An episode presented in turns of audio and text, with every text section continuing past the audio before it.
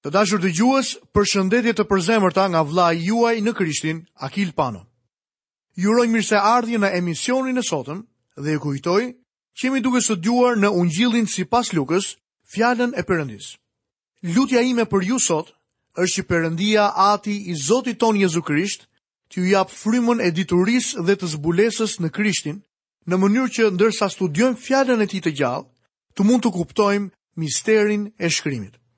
Ashtu siç Zoti Jezus tha, njeriu nuk jeton vetëm nga buka, por nga çdo fjalë e folur nga goja e Perëndisë së gjallë, me të vërtetë sot dëshiroj me gjithë zemrën time që të gjithë ne të mund të ushqehemi me fjalën e gjallë të Zotit. O Zot, unë lutem që ti të na japësh sot bukën e përditshme. Jep na Zot fjalën tënde të gjallë, në mënyrë Perëndi që shpirtrat tanë të mund të ushqehen dhe të mund të rriten o Zot dhe të ndërtohen në fjalën e Perëndisë. Faleminderit Perëndi për privilegjin që kemi që të dëgjojmë fjalën tënde përmes valëve të këtij emisioni. Lutem o Zot që ti derdhësh bekimin tënd me anë të Frymës së Shenjtë, tek çdo dëgjues sot, hap sytë e kuptimit o Zot në mënyrë që të mund të shohim qartë, planin, thirrjen e mrekullueshme që ti ke për jetën e secilit prej nesh. Faleminderit o Zot për dashurinë tënde. Dashuri o Zot që ti e zbulove plotësisht në kryq përmes birit tënd. Zot Jezus, unë lutem që ti të takohesh me çdo individ që do të ketë privilegjin të qëndrojë së bashku me mua në këtë emision. Në emrin tënd unë lutem. Amen. Leximin për sot do ta fillojmë menjëherë në kapitullin e 21 të Ungjillit sipas Lukës, nga vargu i 8. Dhe ai tha: Ruhuni se mos ju mashtrojnë sepse shumë veta do të vijnë në emrin tim, duke thënë, unë jam, dhe erdhi koha, mos shkoni pra pas tyre. Karakteristika e kohës do të ishte që do të kishte krishtër të rremë, gjë që është një tipar i kohës ku jemi duke jetuar dhe ka qenë që kur Jezusi ishte në tokë. Në kohën kur Jezusi ishte në tokë, kishte mesi të rreme. Dhe sot ka disa njerëz që pretendojnë se kanë fuqi mbinatyrore.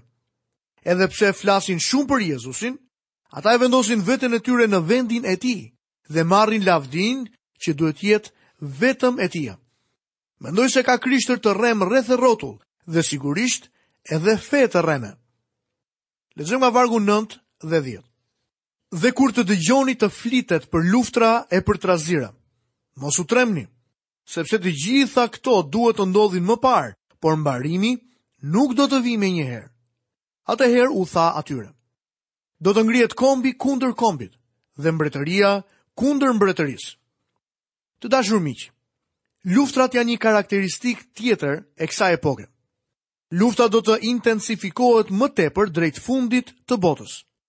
Edhe pse lëvizjet e ndryshme pacifiste janë duke u rritur, fjala e Zotit na thotë, sepse kur të thonë, paqe dhe siguri, atëherë një shkatërrim i papritur do të bjerë mbi ta, ashtu siç dhembjet e lindjes të gruas shtatzënë dhe nuk do të shpëtojnë.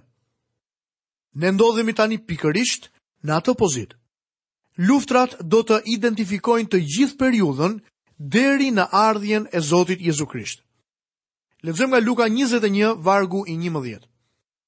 Do të ngjajnë tërmete të mëdha. Zi buke dhe murtaja në vende të ndryshme. Do të ndodhin edhe dukuri të llahtarshme dhe shenja të mëdha nga qielli.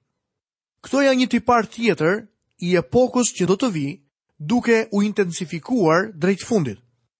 Le të vështrojmë më poshtë vargjet nga vargu i 12 deri në vargun e 15. Por para të gjitha këtyre gjërave, do të vënë dorë mbi ju dhe do t'ju përndjekin, dhe do t'ju dorëzojnë në sinagoga dhe do t'ju fusin në burg, dhe do t'ju nxjerrin përpara mbretërve dhe guvernatorëve për shkak të emrit tim, por kjo do t'ju japë rastin që të dëshmonin.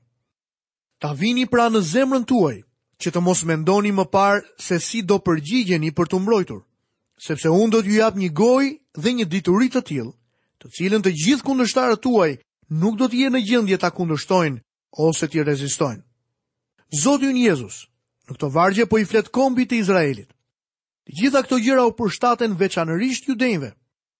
Gjoni tek Ungjilli sipas Gjonit, në kapitullin e 15, vargjet 18 dhe 19, na tregon: Nëse bota ju urren, ta dini se më ka urryer mua përpara jush. Po të ishit nga bota, bota do të donte të vetët, por sepse nuk jeni nga bota, por unë ju kam zgjedhur nga bota. Prandaj bota ju urren. Nëse je ndjekës i Zotit Jezu Krisht, Unë mund t'ju siguroj që nuk ke për të fituar në një diskutim popullor. Lexojmë vargjet 16 deri në vargun e 19. Dhe ju madje do t'ju tradhtojnë edhe prindërit, edhe vëllezërit, dhe farefisi dhe miqtë, dhe disa prej jush do t'i vrasin. Dhe të gjithë do t'ju urrejnë për shkak të emrit tim, por as edhe një fije floku e kokës suaj nuk do t'ju humbasë. Me durimin tuaj, ju do t'i fitoni shpirtrat tuaj. Këto vargje gjejnë zbatim direkt tek 144.000 hebrenjtë që do të jenë të pashkatërrueshëm gjatë periudhës së mundimit të madh. Gjatë periudhës së mundimit të madh, vuajtjet e këtyre hebrenjve do të jenë më të mëdha se sa ishin në kohën e persekutimit gjerman me furrat dhe kampet e përqendrimit. Lexojmë vargun e 20 në kapitullin e 21 të Ungjillit sipas Lukës. Dhe kur do të shikoni Jeruzalemin të rrethuar nga ushtritë, ta dini se shkretimi i saj është afër. Mbani mend, ata e pyetën Jezusin, kur do të ndodhin këto? Pra kur do të mbetet gur mbi gur pa u rrënuar?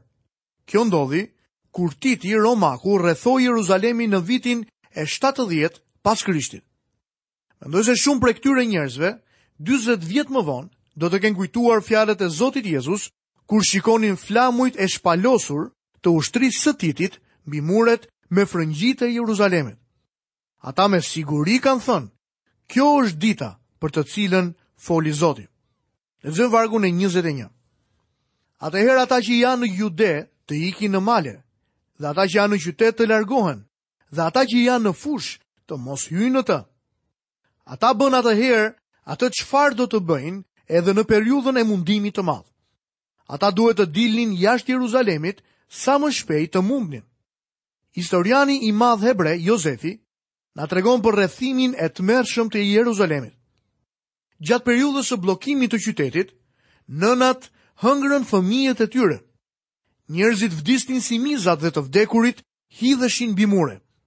Ata që mbeteshin ose vdisnin nga të pangrënit, ose shiteshin si skllevër. Sërish, Zoti po jep një pamje në miniaturë të asaj që do të ndodhë në ditët e fundit. Ka disa njerëz që pretendojnë se këto gjëra nuk mund të ndodhin për herë të dytë. Miqtë e mi, kjo ndodhi një herë, është vetëm çështje historike. Zoti tha që do të ndodhë kjo që ndodhi. Ai tha që do të ndodhë sërish dhe unë besoj që Zoti nuk gabon. Lexojmë poshtë vargjet 22 deri në vargun 24. Sepse ato janë ditë të hakmarrjes, që të përmbushen të gjitha ato që janë shkruar. Mjerë gratë shtatzëna dhe ato që mëndin në atë ditë, sepse do të ketë mjerim të madh në vend dhe mëri mbi këtë popull, dhe ata do të bien nga tehu i shpatës, do t'i çojnë robër ndër të gjitha kombet dhe Jeruzalemin do ta shkelin paganët derisa të plotësohen kohët e paganëve. Hebrenjtë u shpërndanë, Titi Romaku i çoi ata në skllavëri. Ata ndërtuan Koloseun e madh në Romë. Në atë kohë mbi kombin e Izraelit ra dhimbje dhe zemërim i madh. Që prej ditës që Titi hyri në atë qytet, rreth 1900 vite më parë, hebrenjtë nuk kanë qenë kurrë të aftë për t'i nxjerrë paganët jashtë Jeruzalemit. Paganët e kontrollojnë Jeruzalemin që prej pushtimit të Titit deri në ditët e sotme. Vendet e shenjta në Jeruzalem janë në ndikimin e paganëve. Dhe aty ku duhet të qëndronte tempulli i tyre, qëndron xhamia e Omarit. Zoti ynë tha se Jeruzalemi do të shkelej prej paganëve derisa të mbushej koha e tyre. E kam vëzhguar Jeruzalemin që prej një kohe të gjatë dhe ai ende shkelet prej paganëve. Paganët ndodhen ende në Jeruzalem. A nuk është e habitshme se sa e saktë është fjala e Zotit? Lexojmë vargun e 25. Dhe do të ketë shenja në diell, në hënë dhe në yje, dhe mbi tokë ankth popujsh, në përhumbjen prej gjëmës së detit dhe të valëve të tij. Mendoj se ky varg i referohet ditëve të fundit para ardhjes së Krishtit në tokë. Kështu do të jetë në ditët e fundit. Njerëzit do të mpaken nga frika dhe nga pritja se çfarë do të pllakosë botën, sepse fuqitë qiellore do të lëkunden. Ka njerëz që citojnë këtë varg dhe thonë se kjo është një pamje e ditëve të sotme. Miku im, nëse unë mund të përdor një ligjërim të thjeshtë bisedor të rrugëve, mund të them, ti ende nuk ke parë asgjë. Nëse mendon se po sheh përmbushjen e këtij vargu tani, ti je i gabuar. Jam dakord që gjërat në ditët e sotme janë keq. Shkaku i shqetësimit të madh janë krizat politike dhe gjendja e vështirë sociale. Turbullimet fizike janë dërrmuese, por ato do të bëhen më keq në ditët e fundit. Lexojmë vargun e 27. Atëherë do të shohin birin e njeriut, duke ardhur mbi një re me fuqi dhe lavdi të madhe. Krishti mund të kthehet në çdo moment. Gjërat po ndodhin kaq shpejt në ditët e sotme, Saqë kisha, trupi i Krishtit, mund të rrëmbehet nga kjo tokë përpara se ti të mbarosh së dëgjuari këtë program deri në fund. Nëse do të ndodhë kështu, shpresoj që ti do të jesh me mua në prezencën e lavdishme të Zotit. Lexojmë vargun e 28. Dhe kur këto të fillojnë të ndodhin, shikoni lart dhe ngrini kokat tuaja, sepse çlirimi juaj është afër. A kanë filluar këto gjëra të ndodhin? Nuk e di. Nuk kam ndonjë informacion të brendshëm. Gjithçka që mund të them është se shpëtimi dhe shpengimi im është më afër tani se sa kur besova për herë të parë. E di që ai po kthehet dhe kjo është shumë e rëndësishme për mua. Lexojmë vargjet 29 deri në vargun e 31. Pastaj u tha atyre një shëmbëlltyrë. Vini re fikun dhe të gjitha pemët. Kur nisin e mugullojnë duke i parë, ju vetë e kuptoni se vera është afër. Kështu edhe ju, kur do të shikoni se po ndodhin këto, ta dini se mbretëria e Perëndisë është afër. Unë ende e konsideroj pemën e fikut një simbol për kombin e Izraelit. Ora e Zotit nuk është në asnjë vend tjetër, përveçse në Izrael. Pema e fikut përfaqëson Izraelin. A kanë filluar këto gjëra të ndodhin? Unë mendoj që po. Është e vërtetë që ne kemi nevojë që të studiojmë dhe dukuritë edhe gjithë plagët që kanë pllakosur mbarë planetin tonë, por në të vërtetë gjithçka ajo që na rrethon po na tregon fare qartë që jemi shumë afër ardhjes së dytë të Jezusit. Unë e di që Zoti im është duke u kthyer dhe kjo është shumë e rëndësishme për mua dhe për çdo të krishterë që me zor dhe pa durim pret ardhjen e tij. Lexojmë poshtë vargjet 29 deri në vargun e 31. Pastaj u tha atyre një shëmbëlltyrë. Vini re fikun dhe të gjitha pemët.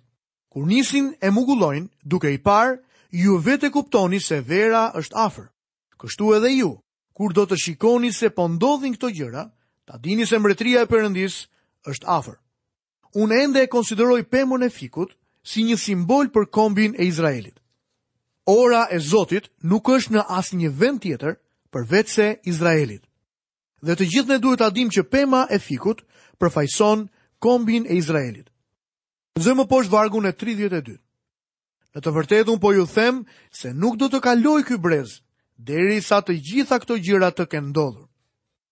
Fjalët ky brez mund t'i referohet kombit të Izraelit. Kjo na mëson për pathyeshmërinë e këtyre njerëzve, ose mund t'i referohet një brezi njerëzish dhe jetëgjatësisë totale të tyre. Në këtë rast, kjo do të thotë se ata që panë fillimin e këtyre ngjarjeve, do të shohin edhe fundin e tyre. sepse duket që theksi vendoset më tepër mbi shpejtësinë me të cilën këto ngjarje do të përhapen, sesa mbi qëndrueshmërinë e kombit të Izraelit. Unë jam përkrahës i shpjegimit të dytë. Lexojmë më poshtë vargjet 33 deri në vargun e 35. Qielli dhe toka do të kalojnë, por fjalët e mia nuk do të kalojnë. Tani kini kujdes që zemrat tuaja të mos rëndohen nga të llupurit, nga të dehurit dhe nga preokupimet e kësaj jete, që ajo ditë të mos ju zërë në befasi. Sepse do të vijë si një lak mbi të gjithë ata që banojnë mbi faqen e mbarë dheut. Miqtë e mi, rrini zgjuar dhe bëni roje. Mos hiqni dorë. Këto ditë janë dit të mëdha që duhen jetuar për Zotin. Është e vërtetë që përballë nevojave të mëdha që janë përreth nesh, që duhen ndryshuar, ndihemi të pafuqishëm shpesh herë dhe shpesh besoj me gjithë zemër që kjo punë i përket Zotit dhe jo mua. Por në të vërtetë, unë besoj që Perëndia më ka vendosur mua, të ka vendosur ty vëlla i dashur në një vend shumë të rëndësishëm dhe me një rol tepër të rëndësishëm për të ndryshuar. Ai më ka kërkuar mua dhe ty që të jetojmë për të dhe të shpërndajmë fjalën e tij. Kjo është ajo që po përpiqem të bëj dhe shpresoj që ju të bëni të njëjtën gjë gjithashtu. Është mjaft e rehatshme të jesh në vullnetin e Zotit. Lexojmë vargun e 36. Prandaj rrini zgjuar dhe lutuni kurdoherë që të çmoheni të denjë të shpëtoni nga të gjitha ato që do të ngjasin dhe të dilni përpara birit të njeriut. Çfarë do të bësh që të çmohesh i denjë? E vetmja gjë që mund të më bëjë të denjë për Perëndinë është pozita ime në Krishtin. Për këtë arsye i kam besuar atij si shpëtimtarit dhe Zotit tim dhe i kam përkushtuar të gjitha rrugët e mia. Kështu që nëse do të jemi gjallë në kohën e rrëmbimit, me hirë të Zotit, do ta takoj atë në ajër. Lexojmë vargjet 37 dhe 38. Gjatë ditës ai mësonte në tempull dhe natën, dilte dhe e kalonte jashtë në malin e ullinjve. Dhe gjithë populli herët në mëngjes erdhi tek ai në tempull për ta dëgjuar. Shumë prej nesh do të kishin dashur të ishin me atë grup për të dëgjuar Jezusin. Të dashur miq, këtu kemi përfunduar dhe studimin tonë në kapitullin e 21 të Ungjillit sipas Lukës. Tani fillojmë studimin e kapitullit të 22. Temat e këtij kapitulli janë këto. Komploti i Judës me krerët e priftërinjve për të tradhtuar Jezusin, Jezusi planifikon darkën e Pashkës dhe themelon institucionin e darkës së Zotit. Jezusi shpall që do ta tradhtojnë. Vendi i apostujve në mbretërinë e ardhshme, mohimi i Pjetrit, Jezusi paralajmëron dishepujt për të ardhmen, Jezusi shkon në Getsemane, Jezusi tradhtohet nga Juda, dhe tema të tjera të mëposhtme që do t'i zbulojmë duke studiuar kapitullin e 22 të shkrimit varg pas vargu. Lexojmë tani së pari vargun e parë të kapitullit të 22 në Ungjillin sipas Lukës. Ndërkaq po afrohej festa e të ndormëve, që quhet Pashkë. Jezusi kishte ardhur në Jeruzalem. Gjashtë muaj më parë në Cezarea të Filipisë, ai vendosi në mënyrë të patundur të vdiste. Që prej atij momenti të gjitha lëvizjet e tij ishin drejt Jeruzalemit. Mali i transformimit dhe ashtu quajtura hyrje triumfale tashmë kanë kaluar. Është koha e Pashkës dhe Jezusi qengji i Perëndisë që do të marrë mëkatet e botës, do të vdesë. Lexojmë në vargun e dytë. Dhe krerët e priftërinjve dhe skribët kërkonin mënyrën se si ta vrisnin sepse kishin frikë nga populli. Krerët fetarë do ta kishin rrëmbyer dhe vrarë menjëherë, por kishin frikë nga turmat dhe njerëzit. Ishte koha e Pashkës, gjë që do të thoshte se në qytet kishte njerëz nga vende të ndryshme dhe ata ishin aty për atë. Ajo ishte shumica e heshtur e turmave. Lexojmë vargun e tretë. Atëherë Satani hyri në Judën, i mbiquajtur Iskariot, që ishte një nga të dymbëdhjetët. A është e mundur që një i krishterë të pushtohet nga demonë? A është e mundur që Satani ose demonët të hyjnë tek një i krishterë? Sigurisht që përgjigja është jo.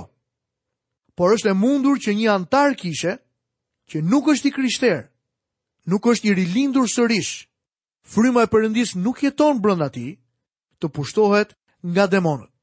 Disa nga njerëzit më të ligj që kam takuar nuk ishin mafiozë, nuk ndodheshin në ndonjë burg, por ishin anëtarë kishe. Kam takuar njerëz në kishë për të cilët besoj që kanë qenë të pushtuar nga demonë. Përndryshe do të ishte e vështirë të shpjegoje sjelljen e tyre mbi ndonjë bazë tjetër. Miku im, Nëse do të vazhdosh të qëndrosh në vijën anësore, të dëgjosh predikimin e Ungjillit dhe të mos bësh asgjë për të, por thjesht të përzihesh me të krishterët, atëherë do të vijë një ditë kur Satani do të hyjë në shtëpinë e zbrazët, ashtu siç e pamë dhe tek Ungjilli sipas Lukës në kapitullin e 11. Një nga demonët e Satanit do të zërë vend aty. Kjo i ndodhi Judës, i cili refuzoi Zotin Jezu Krisht. Lexojmë më poshtë vargjet 4 dhe 5. Kështu ai shkoi të merret vesh me krerët e priftërinjve dhe me krerët e rojës për mënyrën se si do ta tradhtonte. Ata u gëzuan dhe i premtuan t'i japin para. Krerët fetarë kishin pyetur veten me mijëra herë se si do ta kapnin atë. Tani njëri nga njerëzit e tij vjen dhe u ofron tradhtinë e tij. Lexojmë vargun e gjashtë. Dhe ai pranoi dhe kërkonte rastin e volitshëm për t'ua dorëzuar, pa qenë e pranishme, turma. Komploti ishte ky. Të presim derisa turma të largohet nga Jeruzalemi. Presim derisa të mund ta kapim kur të jetë vetëm, kështu që njerëzit të mos e marrin vesh se çfarë po bëjmë. Ata planifikuan të merrin Jezusin fshehurazi. Juda duhet të priste orën e tij dhe t'u tregonte krerëve fetarë se kur ishte koha e përshtatshme.